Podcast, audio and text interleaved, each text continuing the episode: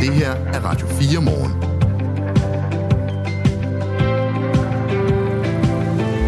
Saudi-Arabien vil bygge en ny, kæmpemæssig futuristisk by, og den danske logistikkoncern DSV skal være med til det her byggeri. DSV har nemlig indgået en aftale på i alt 70 milliarder kroner med den saudiske stat. Og Saudi-Arabien, de bliver jo altså ofte kritiseret, når det handler om menneskerettigheder. Så det taler vi om med Jakob Dahl Rentorf. Han er professor i ledelsesfilosofi og virksomhedsetik, og vi taler om dilemmaerne for DSV i den her sag. Det gør vi lige om et øjeblik. Så skal vi også kigge nærmere på en øh, video, der florerer på internettet i øjeblikket. En video, der øh, viser udenrigsminister Lars Løkke Rasmussen, som øh, for åben skærm og mikrofon bliver øh, snydt af et, et russisk satirehold. De interviewer Lars Lykke Rasmussen, der øhm, uden at vide det, altså udtaler sig og tror, at han taler med øh, diplomater fra et land i Afrika. Hvad er op og ned i den sag? Altså, hvordan går det til, at vores udenrigsminister øh, sidder og øh, taler åbent til nogen, han faktisk ikke ved, hvem er? Og, øh, og hvordan kan man egentlig gardere sig mod den slags? Spændende historie. Absolut. De nye barselsregler, som trådte i kraft sidste år, er åbenlyst mere optaget af et ideologisk formål, og ikke af barnets tag, som lyder konklusionen fra Mikkel Bjørn, der er Dansk Folkepartis ligestillingsordfører. Og ham øh, taler vi med øh, syv 34, øh, og vi taler med ham, fordi vi her til morgen sætter fokus på fædre og barsel. Det og øh, mere til i Radio 4 morgen. Denne morgen med Michael Robach og Christina Ankerhus. Godmorgen. Det her er Radio 4 morgen. Som nævnt, så vil Saudi-Arabien bygge en kæmpemæssig futuristisk by, og den danske logistikkoncern DSV skal være med til det her byggeri byggeri. DSV har nemlig indgået en aftale på i alt ca. 70 milliarder kroner med den saudiske stat. Og det er altså en stat, der ofte bliver kritiseret, når det handler om menneskerettigheder, og det her projekt er også blevet kritiseret fra flere sider. Anklagerne lyder blandt andet, at den lokale befolkning i området er blevet fjernet med tvang og trusler, det skriver blandt andre TV2. Jakob Dahl Rentorf er professor i ledelsesfilosofi og virksomhedsetik ved Institut for Samfund og Erhverv på Roskilde Universitet. Godmorgen. Godmorgen. Hvad tænker du om det her samarbejde mellem øh, Saudi-Arabien, øh, Saudi-Arabien og danske DSV? Ja, det er jo uh, utrolig spændende, at DSV kan være så med i sådan et samarbejde, men det stiller jo også en række udfordringer for dem, fordi uh, hvis de vil stå ved sådan nogle værdier, som man har i Vesten, så bliver de jo mødt med nogle andre værdier i uh, Saudi-Arabien. Og der har jo DSV, de har jo øh, sikkert skrevet under, eller det har de jo, de arbejder med sådan nogle internationale principper om respekt for bæredygtighed og respekt for menneskerettigheder. Og hvad sker der, hvis øh, Saudi-Arabien ikke, ikke respekterer dem, for eksempel øh, hvis de ikke er så flinke ved folks øh, arbejdsrettigheder, eller der foregår andre ting i Saudi-Arabien, som er imod menneskerettigheder og menneskers øh, civile og politiske rettigheder, så står DSV i et dilemma, hvor langt kan de gå? Øh, i forhold til at, at respektere menneskerettigheder i samarbejdet, eller hvor langt skal de gå og bare, så at sige, følge Saudi-Arabiens øh, idéer. Jeg tager lige lidt fakta, fordi oliestaten har i overvis været kritiseret for at krænke menneskerettigheder og gennemførte i marts den største massehenrettelse i årtier, da 81 mennesker blev henrettet på en dag. Den saudi, saudiske kronprins, der står i spidsen for det her kæmpe prestigeprojekt, var ifølge amerikanske CIA ansvarlig for drabet på den systemkritiske journalist Jamal Khashoggi i øh, 2018, og det har altså ført til international fordømmelse. Og Mohammed bin Salman afviser, altså prinsen her afviser selv at stå bag drabet, men har erkendt, at han bærer en del af ansvaret, da det blev begået af personer ansat af den saudiske regering. Projektet, som øh, danske DSV er med på, har også fået kritik fra menneskerettighedsgrupper, der altså hævder, at den lokale befolkning i området i det nordvestlige Saudi-Arabien er blevet fjernet med tvang og trusler. Jeg taler med Jakob Dahl øh, Rentorf, som er professor i ledelsesfilosofi øh, på Roskilde Universitet. Det er jo voldsomme ting, jeg nævnte lige her. Hvordan skal DSV agere i sådan et land? Ja, det har du øh, virkelig ret i. Altså, de kan jo først og fremmest øh, prøve, og når de tænker på deres egen værdier, så være meget ops på, at de virkelig respekterer arbejdstagerrettigheder, de respekterer menneskerettigheder, og de inde i deres egen butik virkelig gør noget for at respektere de ting. Altså hvis de får ansat en masse mennesker i Saudi-Arabien i forbindelse med projektet, så sørg for, at, at det lever op til deres standarder, altså til de vestlige standarder. For eksempel også, øh, hvis Saudi-Arabien er jo har jo ikke den samme behandling af kvinder, som vi har i Danmark. At man sørger for, at der er ligebehandling, at man sørger for, at ens medarbejdere får en ordentlig løn øh, og så videre. Så det er i hvert fald internt i DSV øh, lever de op til øh, øh, de vestlige øh, principper og også til DSV's egne værdier. Så skriver DSV faktisk på deres hjemmeside, at de respekterer interkulturalitet. Så der får de jo også en masse en masse øh, problemer med, eller øh, udfordringer med at leve op til de saudiarabiske værdier. Og der er jo spørgsmålet, øh, hvad er det universelle, hvad er det rigtigt etisk at gøre her? Øh, fordi øh, hvad hvis der kommer modsætning mellem øh, DSV's, altså de danske værdier og de saudiarabiske værdier? Hvor skal de sætte øh, stregen? Og der kommer der jo også en udfordring med, hvis øh, det går mere konservativ og mere undertrykkende retning i Saudi-Arabien. Hvornår skal DSV så sige, at det er nok, vi vil ikke længere være med i, i det her projekt? Altså det, man kunne kalde en exit-strategi, øh, som de jo også skal tænke over. Så der er en del udfordringer.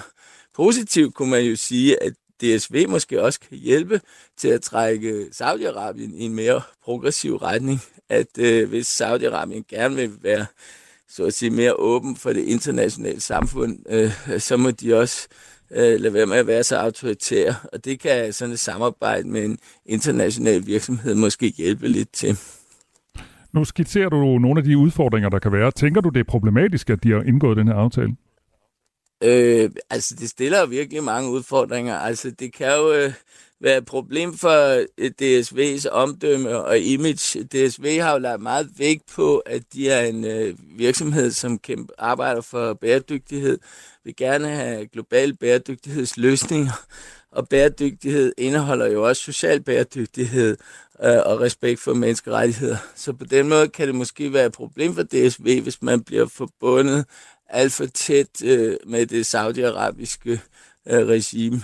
Øh, og omvendt kan det jo så, at Saudi-Arabien indgår med et, et samarbejde med sådan en dansk international virksomhed. Det kan jo være med til at, så at sige, øh, renvaske Saudi-Arabien, fordi de bliver jo på en eller anden måde stuerene, og deres projekt bliver jo også på mange måder øh, stuerent igennem øh, et, et, et sådan arbejde, samarbejde med en, en, en, en dansk øh, virksomhed. Men altså, Saudi-Arabien er jo meget større end DSV, så det er måske DSV, som øh, får de største problemer øh, med at retfærdiggøre sig i, i den sammenhæng. Men jeg har lagt mærke til, at DSV jo siger, jamen det er jo forretning, og man kan godt have forretning, øh, også selvom der måske er tale om øh, lidt mere totalitære regimer. Altså de måske siger, business is business forretning er forretning. Men der står vi jo i dag i en situation, hvor, hvor der mere lægges vægt på, at virksomheder også tager et øh, politisk ansvar, øh, når de handler internationalt, øh, hvor, hvor de ikke bare kan sige forretning er forretning, men de bliver også nødt til at se på de politiske dimensioner af forretningen. Altså det er jo det, vi for eksempel mm. ser i, i Ukraine, hvor mange virksomheder jo øh, bliver opfordret til at trække sig øh, fra Rusland på grund af krigen, fordi de også skal øh, øh, støtte op om den, de politiske mm. sanktioner øh, fra Europas side. Og der er de virksomheder, som ikke øh, øh, ligesom forholder sig politisk, øh, de bliver nogle gange, øh, kommer jo nogle gange nogle problemer øh, med hensyn til omdømme og øh, legitimitet i samfundet. Jeg taler med Jakob Dahl Rendorf, som er professor i ledelsesfilosofi på Roskilde Universitet. Du er lige lidt inde på det. Altså, i 2022, der var Saudi-Arabien øh, Danmarks 31. største eksportmarked med en samlet eksport på 12,5 milliarder kroner. Det viser et notat fra Udenrigsministeriet, og det ser endda ud til at stige i 2023. Og DSV ved jeg også, de siger jo også, jamen det er jo ikke forbudt at handle med Saudi-Arabien. Så har de ikke en pointe i det? Altså, så længe politikerne ikke har sagt, jamen man må ikke handle med dem, så handler man med dem og øh, opfører sig ordentligt. Jo, altså, det er jo det, at Danmark er også begyndt at tale om en udenrigspolitik, der skulle være en, øh, hvad det, man kalder det, en pragmatisk idealisme. Det vil sige, at man ikke skal helt skal stå ved sine værdier, man skal også være åben fra, fra andre lande med forskellige kulturer. Og det er jo rigtigt, vi lever jo i en, en global verden, og der er jo mange forskellige kulturer. Islam, som jo har et helt andet øh, kulturelt system med, med islam, øh, øh, i, altså i Saudi-Arabien. Øh, og, og der kunne man jo sige, så hvordan, øh, hvordan øh, øh, øh, arbejder man sammen med, med, med lande med forskellige kulturer. Og det er jo en kulturel udfordring.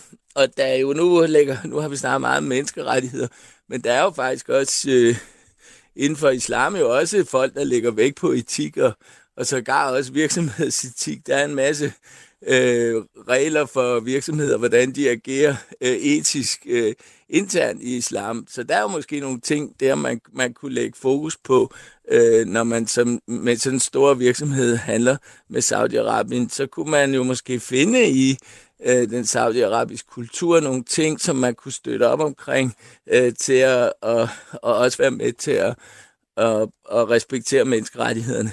Men grundlæggende set er der jo en masse udfordringer øh, ved det.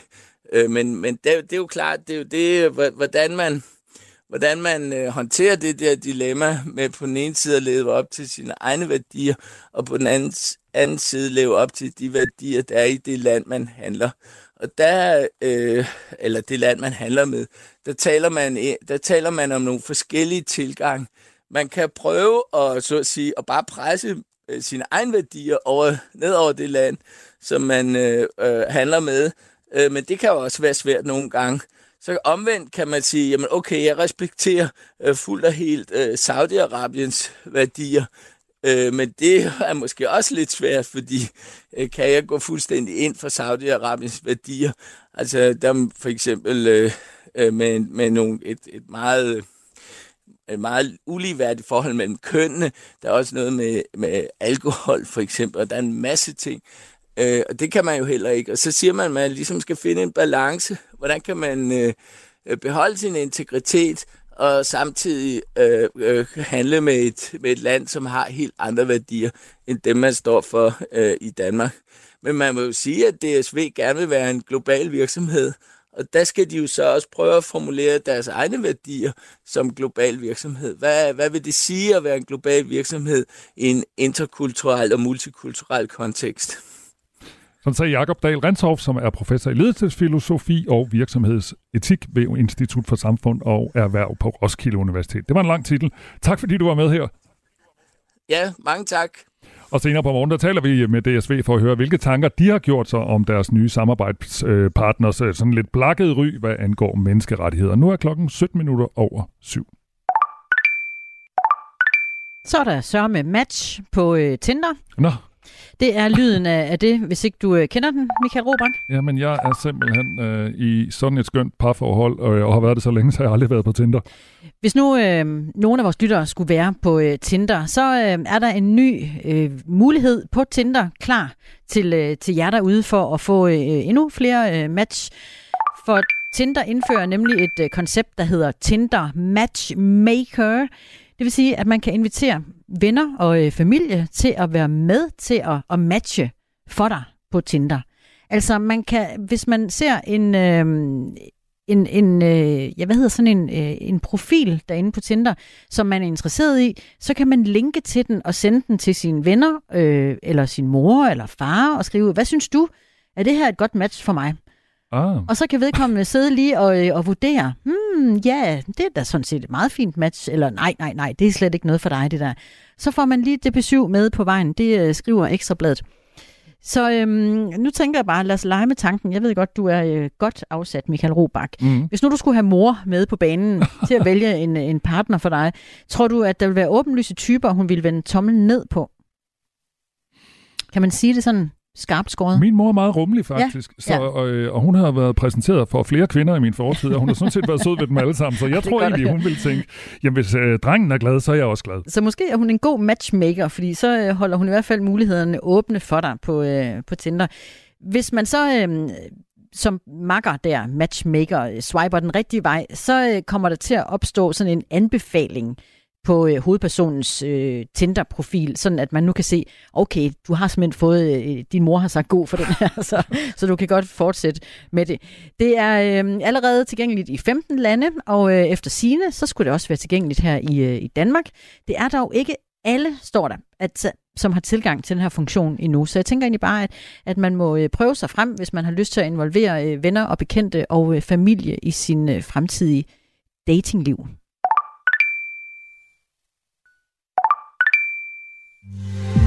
Det her er Radio 4 morgen. En video, der florerer på internettet, viser udenrigsminister Lars Løkke Rasmussen blive snydt af en russer. Den russer, som udenrigsminister Lars Løkke Rasmussen bliver snydt af, det er den ene halvdel af en russisk satiregruppe, der hedder Vovan and Lexus. Det, øh, det lyder sådan her, når øh, udenrigsministeren bliver snydt. When there will be uh, peace negotiations or uh, the war will come to an end, uh, we will uh, support Ukraine in a new security architecture to prevent Russian for attacking again. And we will also do our utmost to include them in, in the European family, even though honestly speaking, that will be very, very, very difficult. It's the largest country in, in Europe. It will come with a huge impact if they uh, suddenly become members of the European uh, Union.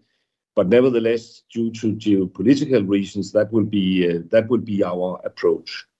But it's not up to me to declare that this uh, war cannot be won by by uh, Ukraine. Som vi kan høre det her, så øh, kommer udenrigsminister Lars Løkke Rasmussen altså ind omkring vigtige emner, alvorlige og aktuelle emner, som øh, krigen i øh, Ukraine.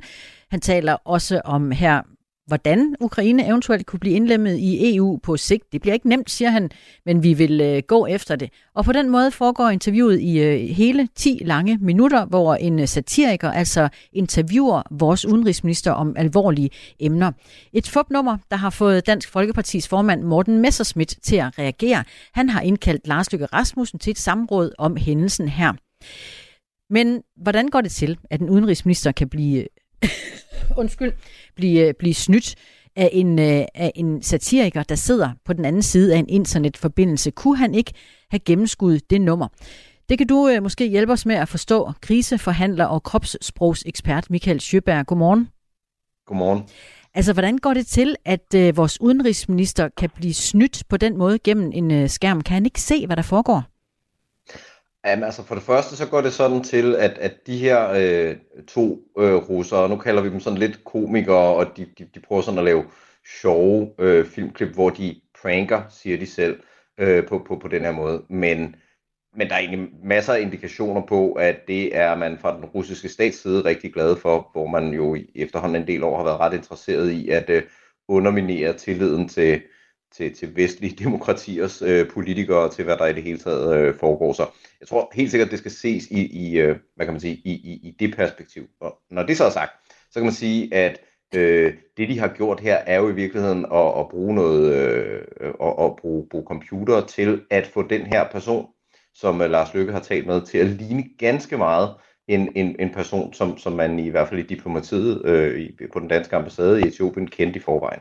Øh, så de er egentlig gået temmelig langt for at, øh, for at, øh, for, for, for at få øh, den person, der var på det her Zoom-kald, øh, til, til, at, øh, til at ligne. At han så har en tyk russisk accent, det er selvfølgelig problematisk. Ja, det synes jeg, man kan høre. Det har vi ikke lige med i uh, klippet her, mm. at han netop uh, taler med sådan en, en uh, tydelig, gebrokken russisk accent. Når han så alligevel uh, falder i vores udenrigsminister, ja. var der noget, man kunne uh, have holdt øje med som, som offer, når man ser en, øh, en gerningsmand over for sig?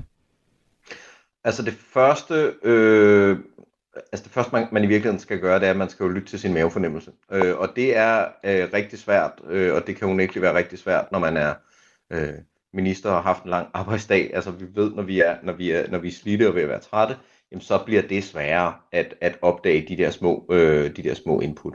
Øh, men i virkeligheden så det at øh, starte op med noget, som vi som danskere ikke altid er så gode til, nemlig at øh, tale om nogle uformelle ting, der egentlig ikke handler om det, som, som, som sådan er, i, virkeligheden er det, er det væsentlige for samtalen. Altså, så kan man kalde det small talk, eller noget i den dur. Men, men det at starte op, og lige få følt ens modpart, og få lyttet tilpas meget til ens modpart, og lige få følt dem, følt dem sådan på, på tænderne, kan være en ret god idé. Øh, og måske især i de her dage, hvor der, der er andre øh, aktører ude i verden, som egentlig vil øh, stille os i, i svære situationer, som den, som Lars Løkke og i øvrigt alle mulige andre øh, europæiske øh, politikere er blevet stillet i. Ja, for øh, det er ikke enestående det her. Det er, øh, som du også nævner, sket før hos øh, os ministre i andre lande. Tidligere chefanalytiker hos Forsvarets efterretningstjeneste, Jakob Korsbo, øh, siger til øh, Berlinske, at det er decideret pinligt, at det lykkedes russerne at få en samtale med Lars Løkke Rasmussen, altså vores udenrigsminister i Danmark, på den her måde. Han siger, at der er helt bestemt nogen, der har sovet i timen, så noget burde han være afskærmet fra. Og øh, Jakob Axel Nielsen, forhenværende medlem af Folketinget for det konservative Folkeparti, det konservative Folkeparti, han, øh, han siger til øh, Radio 4, at han også synes, det er pinligt. Det er noget af en bastard, at Lars Løkke bliver snydt af nogle russiske komikere, der optræder som diplomater og sidder der på slap line og fortæller om ting. Det, det ser ikke ret godt ud, og det er måske ikke Lykkes skyld, men nogle embedsmænd eller sådan noget, der ikke har lavet deres research. Altså, den er, den er bestemt ikke øh, flot, og det virker ikke erfarent. Vi analyserer situationen sammen med kriseforhandler og kropssprogsekspert Michael Sjøberg. Kunne en, øh, en udenrigsminister ikke have gennemskuddet det her, synes du?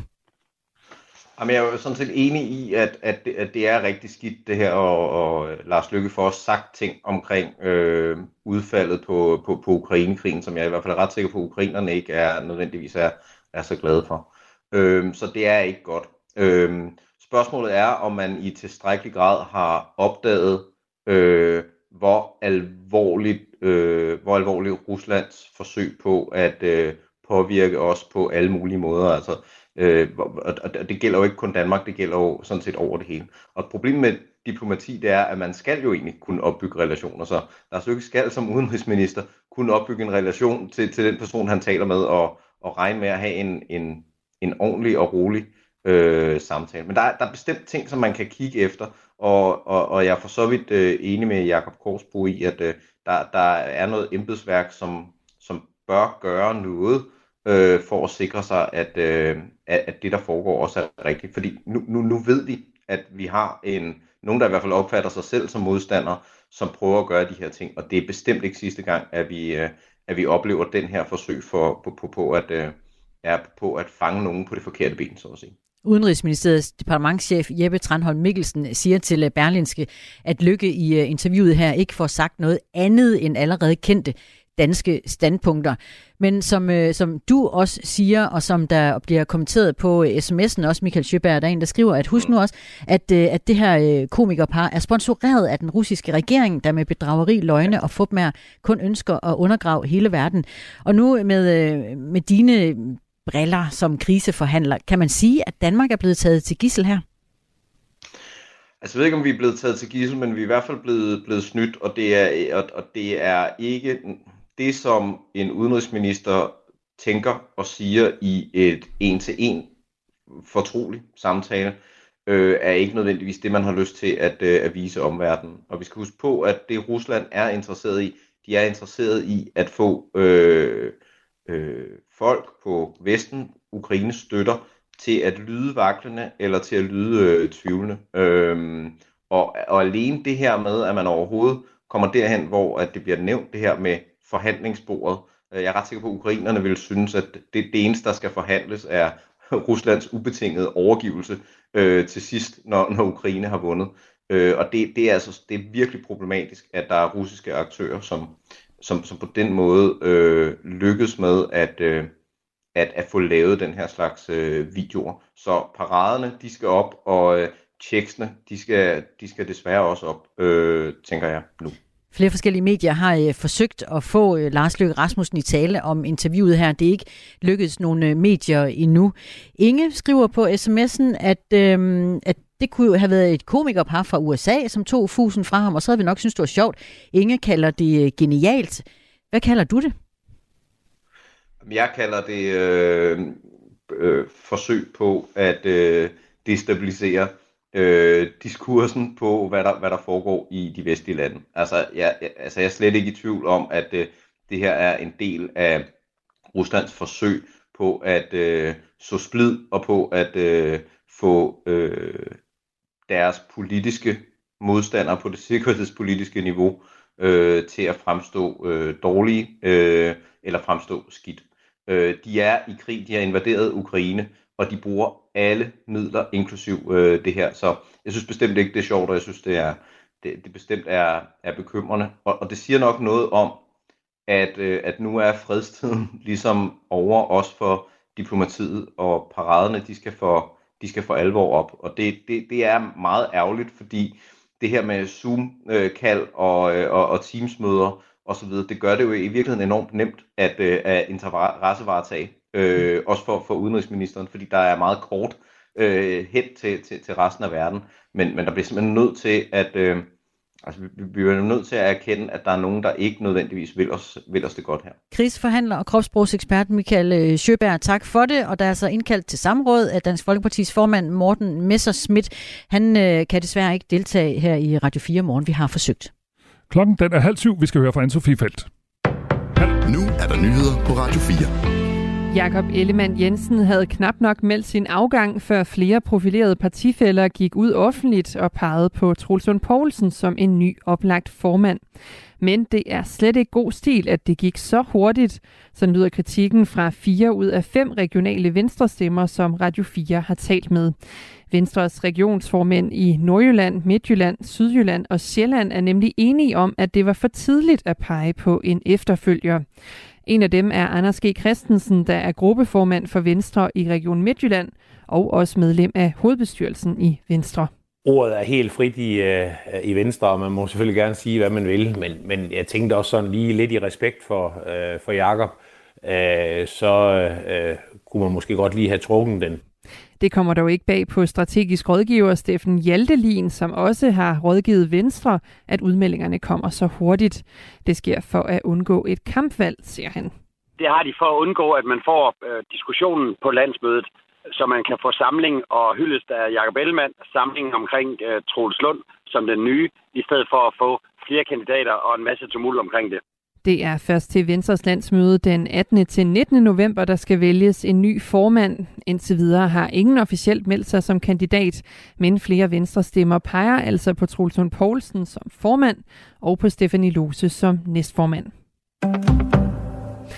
Der er store mængder vand på vejene i Østjylland her til morgen, og derfor så gælder det om at bevare tålmodigheden, det siger Lina Davidsen, der er vagthavende i Vejdirektoratets Trafikcenter her til morgen, der har vi øh, en del meldinger om vand på vejen øh, omkring Aarhus og Djursland på øh, rute 15 og på øh, Østjyske Motorvej, hvor vi har flere steder, hvor der ligger rigtig meget vand. Hvor vi har øh, slamsuger fremme og, og vejhjælp fremme, men det tager selvfølgelig lang tid at få det fjernet, så jeg beder bilisterne om at have god tålmodighed her til morgen. Vagtchefen ved Østjyllands politi Mikkel Møldrup fortæller, at der indtil videre er sket et enkelt færdselsuheld på grund af det våde vejr. Ingen personer er dog, dog kommet til skade ved uheldet, hvor en personbil kom kørende med høj fart mod en stor vandpyt på kørebanen på motorvejen. Det våde vejr sætter også sit præg på Odder syd for Aarhus, hvor et dige er brudt sammen, fortæller vagtchefen. Derfor arbejder politiet og beredskabet lige nu på at forhindre oversvømmelser af huse. Og så til et par nyheder fra udlandet.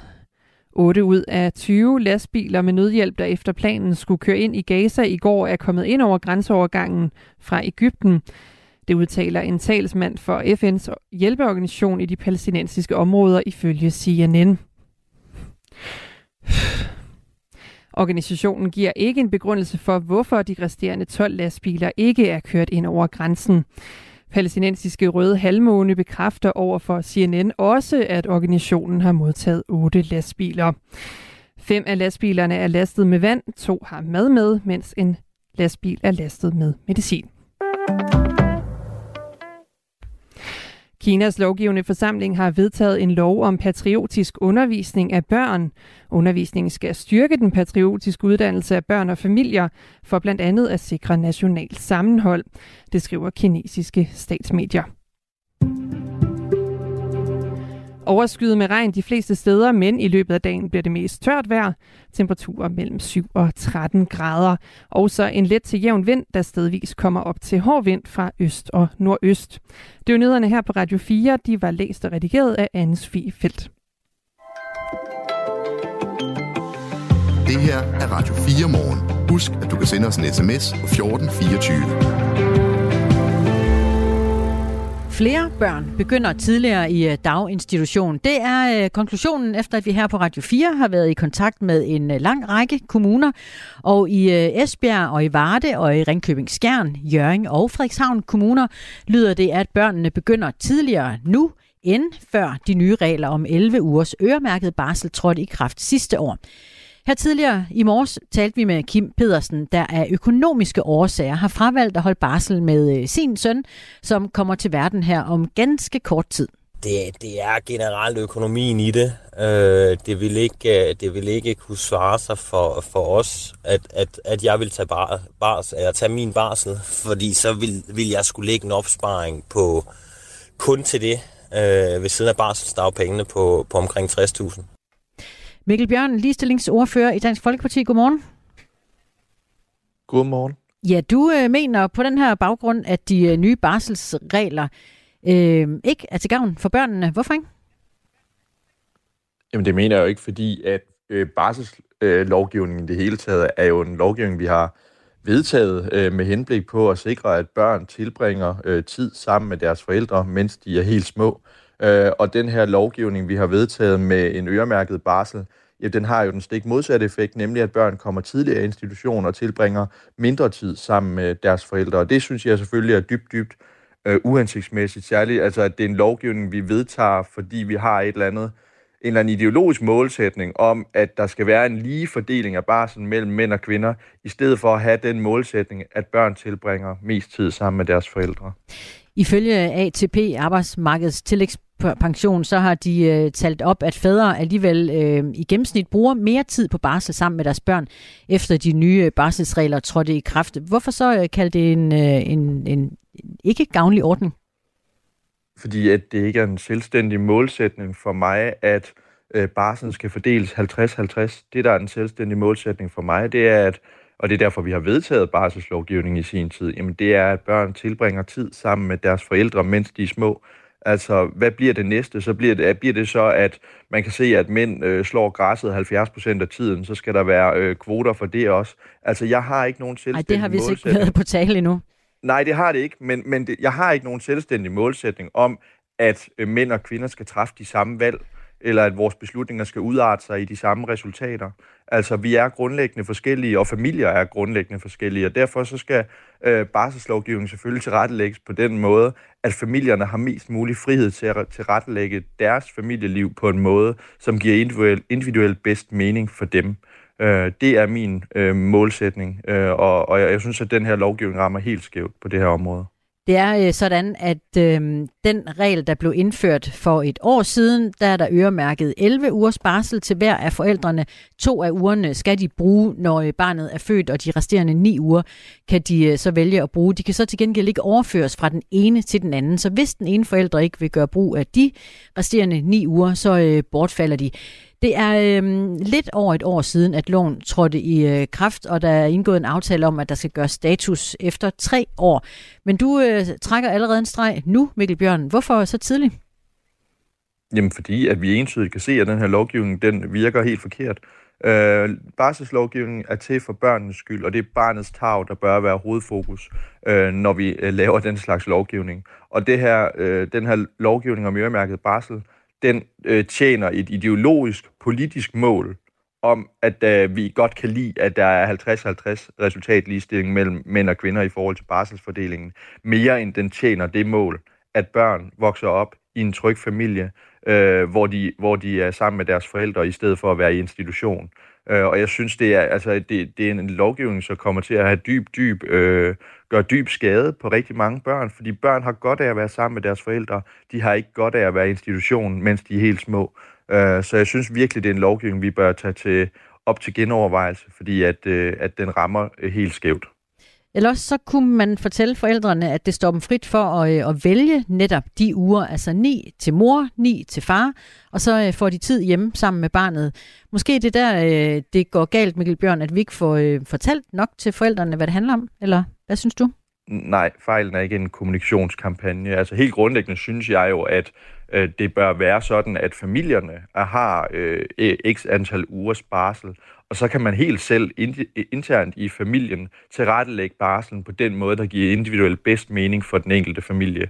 Altså så er jeg ikke optaget af, om det er mor, der tager x uger, eller far, der tager x uger, men at det giver mening for den enkelte familie. Øh, det tror jeg godt, at man i en familie kan blive enige om at finde ud af. Øh, og det har jeg stor tiltro til. Øh, så det synes jeg i virkeligheden var måden at gøre det på, i stedet for at vi som politikere øh, har sådan en top-down løsning på, hvordan det skal være for samtlige danske familier, der jo grundlæggende er dybt, dybt forskellige, og derfor ikke, altså, hvor vi ikke har brug for at sætte dem i en spændetrøje, der, der, der gør, at, at det skal tilrettelægges på en specifik måde. Men der er altså kun gået et år. Hvorfor ikke lade tiden gå ja, de næste to år, og så lave den tre års evaluering, øh, man har lovet sig selv og øh, hinanden? Jamen, altså, vi kunne vente 10 år. Altså, vi var Jamen, imod bare den her tre lovgivning. år, det er det, I har aftalt.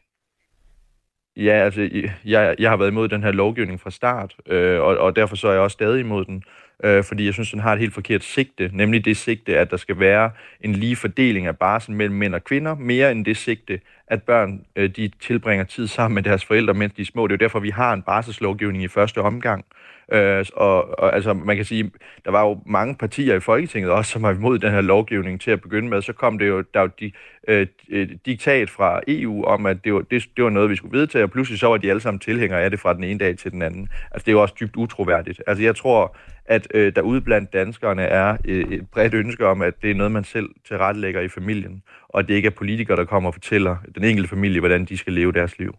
Det er Mikkel Bjørn, der er med os ligestillingsordfører i Dansk Folkeparti, som øh, synes, at de nye barselsregler, der trådte i kraft for et år siden, ikke er til gavn for børnene. Og du, øh, du nævner også, at børnene ikke har godt af at komme i institution så tidligt, som de gør det. Det øh, kan jeg understøtte med Mikkel Ågaard Hovmark, der er phd kandidat fra Aarhus Universitet, medforfatter på et studie, der har set på øh, lige præcis den sammenhæng, at børn bliver øh, tidligere afleveret, og så deres udvikling og trivsel på længere sigt. Jamen, øh, det vi finder i vores studie, det er øh, helt konkret, at, øh, at når børn de har længere tid derhjemme med en forælder, og dermed øh, kommer senere i institution, så har det nogle øh, positive konsekvenser for deres senere trivsel og udvikling. Øhm, og det gælder både øh, den, deres sådan, trivsel, mens de er øh, i skolen, og derudover så finder vi også, at det har nogle effekter på deres, øh, det man på dansk kan kalde deres samvittighedsfuldhed og deres følelsesmæssige stabilitet, hvilket er et personlighedstræk, som vi ved har stor betydning både for, hvordan børnene trives nu og her, men også for, hvordan de klarer sig senere hen i livet. Og derfor øh, har forældre jo også ret til barsel i øh, kraft af den nye barselsordning. Der er ni uger til mor og ni uger til far, og så de uger, de skal bruge omkring øh, fødslen.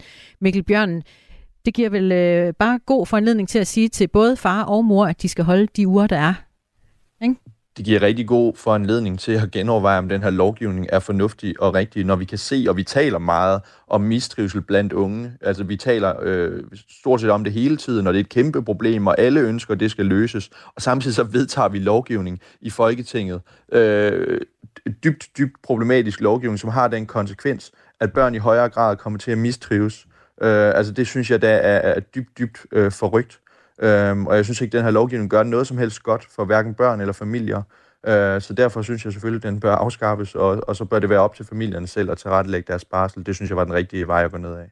Vi har også uh, talt med Alternativets uh, eksterne ordfører, Nana Højrup. Hun er uh, pædagog, udover at være uh, medlem af Alternativet, og hun som, som taler på partiets vegne, når hun siger, at, øh, at hun vil kræve svar fra ministeren i spørgsmålet om, hvilke konsekvenser det får, at børn kommer tidligere i en institution, som vi øh, har set det i vores Radio 4-undersøgelse.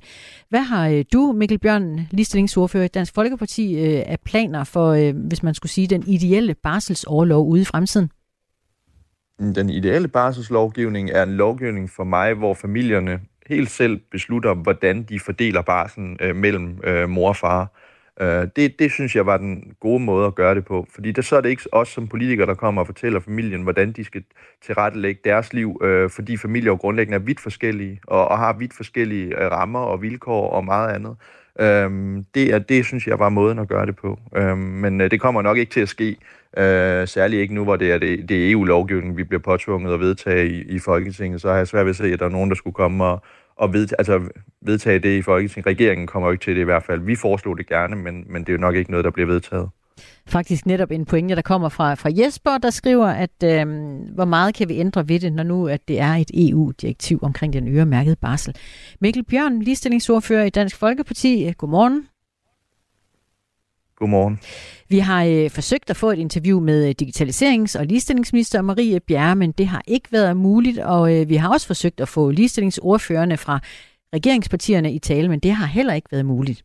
Lad os lige tage et par sms'er på den her, Christina, fordi yes. der er kommet en del ind på 1424. Der er en, der skriver, befriende at høre Mikkel Bjørn. Jeg kan kun sige hørt. Jeg har endnu ikke mødt den eneste mor, inklusiv mig selv, der bakker op om den nye barselsårlov.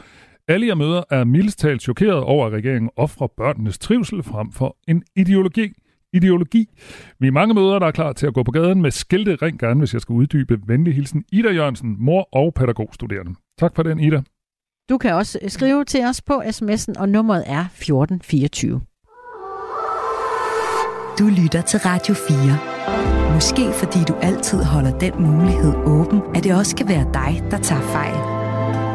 Radio 4 ikke så forudsigelig. Allangot til savakbut, politik gikkut, aduttok. Naalaga fik, galallinit, galallinut. Rønne. Er vi på Grønland her? Tak for det. Nå. Så vil jeg Lad os lige høre. Øh, opfordre til at uh, oplæse talen på, på dansk mod udvidet uh, taletid. Jeg spørger, om ordførende ønsker det. Vi er ikke på Grønland. Så jeg tror, vi er i øh, Folketinget på øh, Folketingets talerstol. Det er nemlig det, vi er, fordi den her tale fik meget opmærksomhed, da Folketingsmedlem, altså det grønlandske Folketingsmedlem, Aki Mathilda Høgh i maj holdt en tale på grønlandsk under en debat øh, om rigsfællesskabet. Og det var faktisk både forarvelse og også begejstring. Men uanset debatten, så er den nu kåret til årets bedste tale. Nej. Jo, det er den selvejende institution, øh, Danske Taler, øh, som har øh, kåret årets tale, og øh, de øh, siger blandt andet, at det, som gør årets tale ekstremt interessant, er, at Aki Mathilda Høgh Dams ord havde stor effekt på tilhørende, selvom de ikke forstod, hvad hun sagde. Ja, nogle folketingsmedlemmer øh, blev netop provokeret af, at de ikke fattede en lyd, siger øh, taleskriver og forfatter Anita Furo, som er med i det her dommerpanel. Øh, og øh, det, de også lægger vægt på, det er, at den her tale ikke bare var en god tale, hvis det var det. Øh, det er, øh, de ligger også væk på, at den rent faktisk øh, fik betydning, fordi efterfølgende blev det muligt at tale grønlandsk og færøsk på talerstolen i Folketinget. Så tillykke til Aki Matilda Høgh Dam, der altså både fik ændret noget med sin tale, og nu også har holdt årets tale. Det her er Radio 4 morgen. Fortsatte bombardementer og en israelsk blokade gør redningsarbejdet i Gaza, hvor over 800 børn meldes savnet særdeles svært, det oplyser Red Barnet. Det er Sundhedsministeriet i Gaza, som oplyser, at der er 1550 savnede personer i murbrokkerne, heriblandt mindst 870 børn. Men det er altså ikke kun de forsvundne børn, det har konsekvenser for. Det er nemlig også øh, kritisk, altså i Gaza, øh, meget kritisk for øh, rigtig mange børn. Det mener blandt andet Anne Margrethe Rasmussen, som er chef for Red Barnets arbejde i Mellemøsten. Godmorgen. Godmorgen. Vi skal, vi skal tale om de her børn øh, lige om et øjeblik, men man siger jo altid, at øh, sandheden er, er krigens allerførste offer. De her tal, jeg mm. nævner, altså med, at der skulle være savnet 870 børn, øh, som øh, bliver oplyst fra Sundhedsministeriet i Gaza. Er det nogen, I kan genkende? Lad os lige bare starte der. Ja, altså man kan sige, de fleste tal, som, som vi har øh, i denne her konflikt, de kommer fra de palæstinensiske sundhedsmyndigheder, der bliver opfattet som de officielle tal, som er de tal, vi har, og de tal, som, som også FN øh, bruger.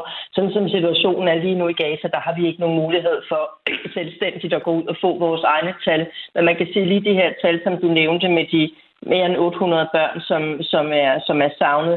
De bliver bekræftet, ikke i, i, i omfang, men de bliver bekræftet ved, at vi også fra, fra vores egne kilder på for eksempel hospitaler hører om, om børn, som, som der ikke er nogen, der, der, der kommer og henter, og som, som, som er væk. Ikke? Så vi ved, at der er savnede børn.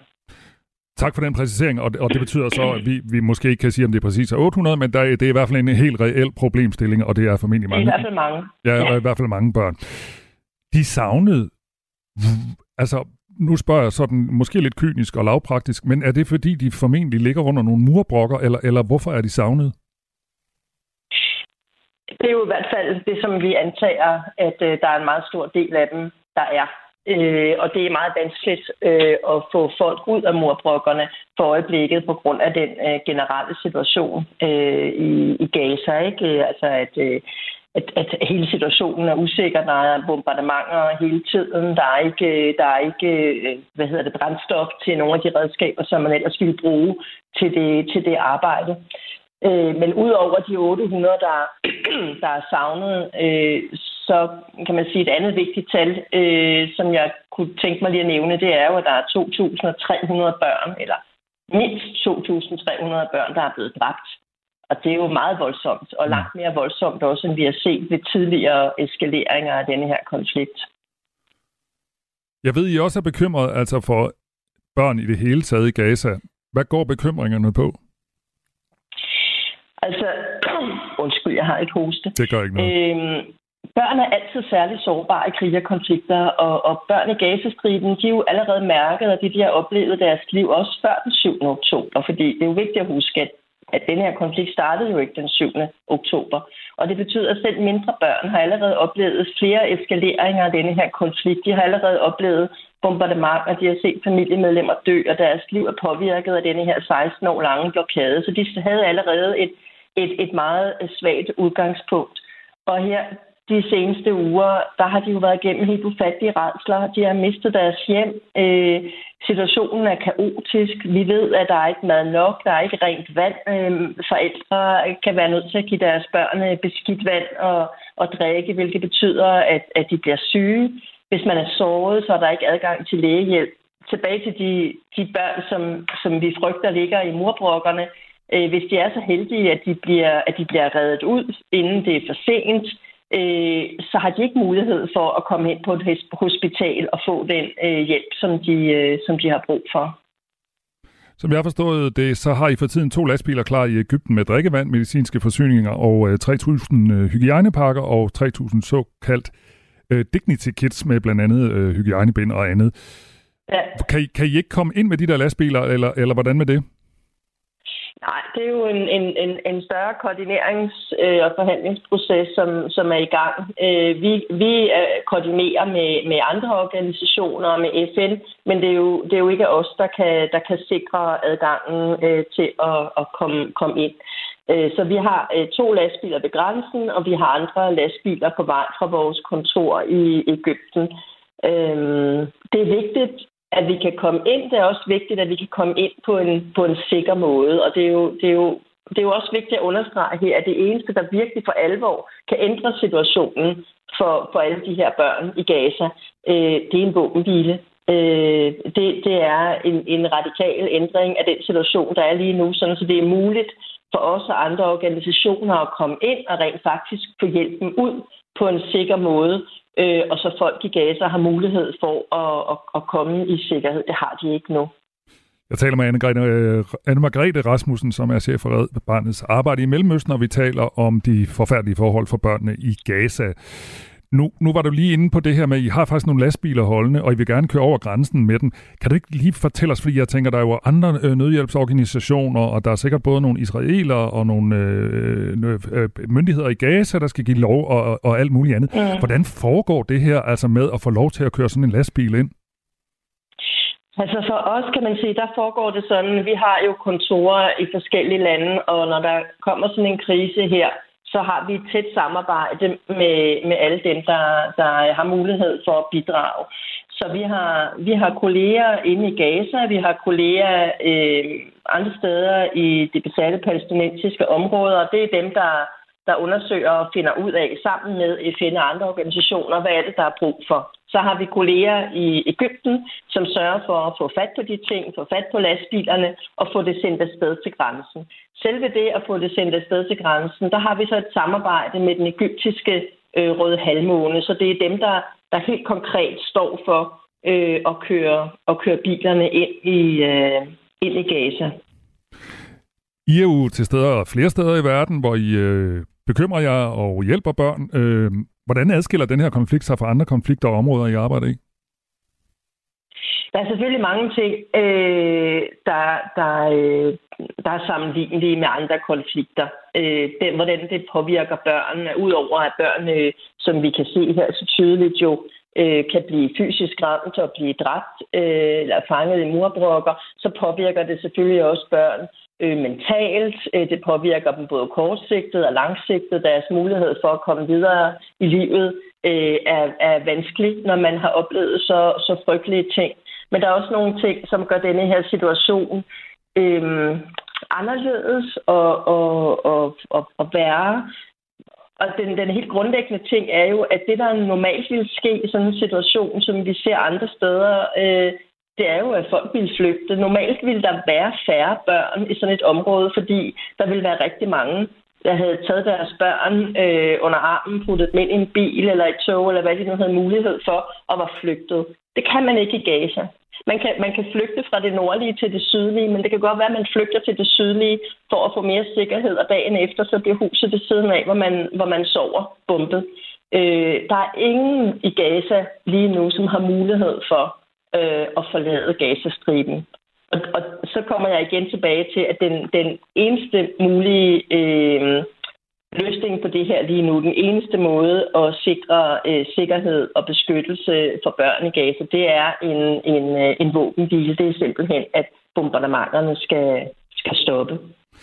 Jeg kan ikke lade være med at spørge dig, Margrethe, Margrethe Rasmussen. Øh, det er jo en kæmpe diskussion. Man skal bare gå på de sociale medier. Altså, den her diskussion om Israel og palæstinenserne, den er jo ekstremt ophidset og ophedet. Mm. Øh, folk står meget stejlt over for hinanden, når de her ting mm. diskuteres. Betyder det egentlig noget for jeres arbejde, at folk har så stærke holdninger?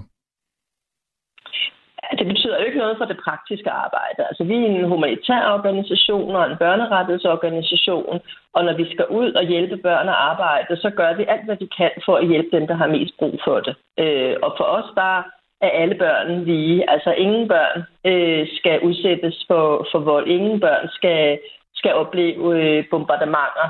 Øhm, og det er ligegyldigt, hvem de er og hvor de bor henne. Så i det konkrete arbejde ude, der, øh, der gør det ikke nogen forskel. Tak skal du have, tak skal du have sådan sagde altså Anne Margrethe Rasmussen, som er chef for Red Barnets arbejde i Mellemøsten. Det var så lidt. Det her er Radio 4 morgen. Og så øh, er der kommet den, så vidt vides, første øh, officielle kommentar fra Troels Lund Poulsen, øh, efter at han er blevet nævnt igen og igen som øh, kommende ny formand i Venstre. Han siger til Avisen øh, Danmark, at der vil være et øh, møde i Venstres hovedbestyrelse, hvor der bliver afklaret nogle skridt i forhold til, om Troels Lund Poulsen skal stille op som formand i øh, Venstre. Og han siger, at han overvejer, om han vil stille op som Venstres formand. Han siger, citat, om jeg er den rigtige til at løfte opgaven, det tænker jeg selvfølgelig meget på, fordi det skal ikke kun være rigtigt for mig, det skal også være rigtigt for Venstre, siger han i et interview med Avisen Danmark. Du lytter til Radio 4 morgen. Og så til en god nyhed. Pasta, smør, kød og mange andre fødevarer bliver billigere den kommende tid. Det viser nye tal fra Danmarks Statistik, der har spurgt til detailbutikkernes forventninger til salgspriser i de kommende tre måneder. Det er en, avi, øh, en historie, som Avisen Danmark skriver. Tallene viser, at især er fødevarer, der falder i pris. Og faktisk forventer over halvdelen af detailvirksomhederne, altså supermarkedskæderne, at priserne på fødevarer vil falde over de kommende tre måneder. Og det er der flere årsager til, at vi nu ser den her udvikling. Det fortæller Tore Stramer, som er cheføkonom i Dansk Erhverv. Man skal være opmærksom på, at vi kommer jo fra en meget altså, ekstraordinær periode, hvor særligt fødevarepriserne er steget meget voldsomt øh, og det er på en lang række fødevarer. Det var et, et udtryk for, at vi havde en, en forsyningskrise, en energikrise, som øh, gjorde, at, øh, at priserne steg øh, meget, meget voldsomt i en periode. Den krise er heldigvis gået på held, og, øh, og er nu medvirkende til, at øh, prisen på en lang række fødevarer så småt er begyndt at øh, falde. Dertil spiller det formentlig også en rolle, at øh, konkurrencesituationen i øh, sektoren, den er også øh, på et højt niveau. Og det altså også øh, betyder, at, øh, at øh, de her prisfald, vi ser i de globale fødevarepriser, nu også sendes videre til øh, forbrugerne. Og supermarkederne skal også ændre deres strategi for at få øh, os forbrugere indenfor. Og derfor er der også en stor priskonkurrence blandt supermarkederne, siger Thor Stammer. Jamen, der er en, en, en situation, hvor, hvor danskernes øh, indkøbsvaner har ændret sig mærkbart. Øh, danske forbrugere blev mere, hvad skal man sige, prisbevidste. Øh, det er måske ikke så overraskende efter en periode med meget høj inflation. Og det gør også, at man øh, fra supermarkedernes side skal sådan, øh, ændre deres forretningsstrategi i forhold til, at øh, det, der er lidt mere øh, hvad det, man skal sige, øh, konkurrence om forbrugeren indenfor. Og det betyder blandt andet, at man øh, ser, at øh, man på priserne begynder at blive mere øh, tydelig omkring, øh, at der kan besparelser hente i, i de forskellige øh, butikker, og det dermed også blevet en mere tydelig konkurrenceparameter. Og øh, det betyder, hvis man skal tage øh, tanden for gode varer, at vi også ser en periode her over den kommende tid, hvor, hvor prisen på fødevarer kan falde. Og det er altså, det skal jeg skynde mig at sige, det er altså ikke hverdagskost, at vi ser, at, at, øh, at fødevarepriserne de falder. Det er altså noget, der sker ganske sjældent, når man kigger i, øh, i de historiske statistikker. Og sådan fortæller Tore Stramer, der er cheføkonom i øh, Dansk Erhverv. Vi nærmer os nyhederne, men når vi er tilbage, så skal det blandt andet handle om DSV, altså den øh, store danske logistikvirksomhed, fordi de har indgået øh, et partnerskab om at bygge en ny futuristisk kæmpeby i Saudi-Arabien. Og når man arbejder sammen med Saudi-Arabien, så giver det jo både nogle udfordringer og nogle dilemmaer, fordi Saudi-Arabien bliver jo blandt andet kritiseret for at være kvindeundertrykkende og ikke just være demokratisk. Efter nyhederne, der taler vi med Flemming Ole Nielsen, som er kommunikationsdirektør i DSV, om de her dilemmaer. Nu er øh, klokken 8. Du har lyttet til en podcast fra Radio 4. Find flere episoder i vores app, eller der, hvor du lytter til podcast. Radio 4. Ikke så forudsigeligt.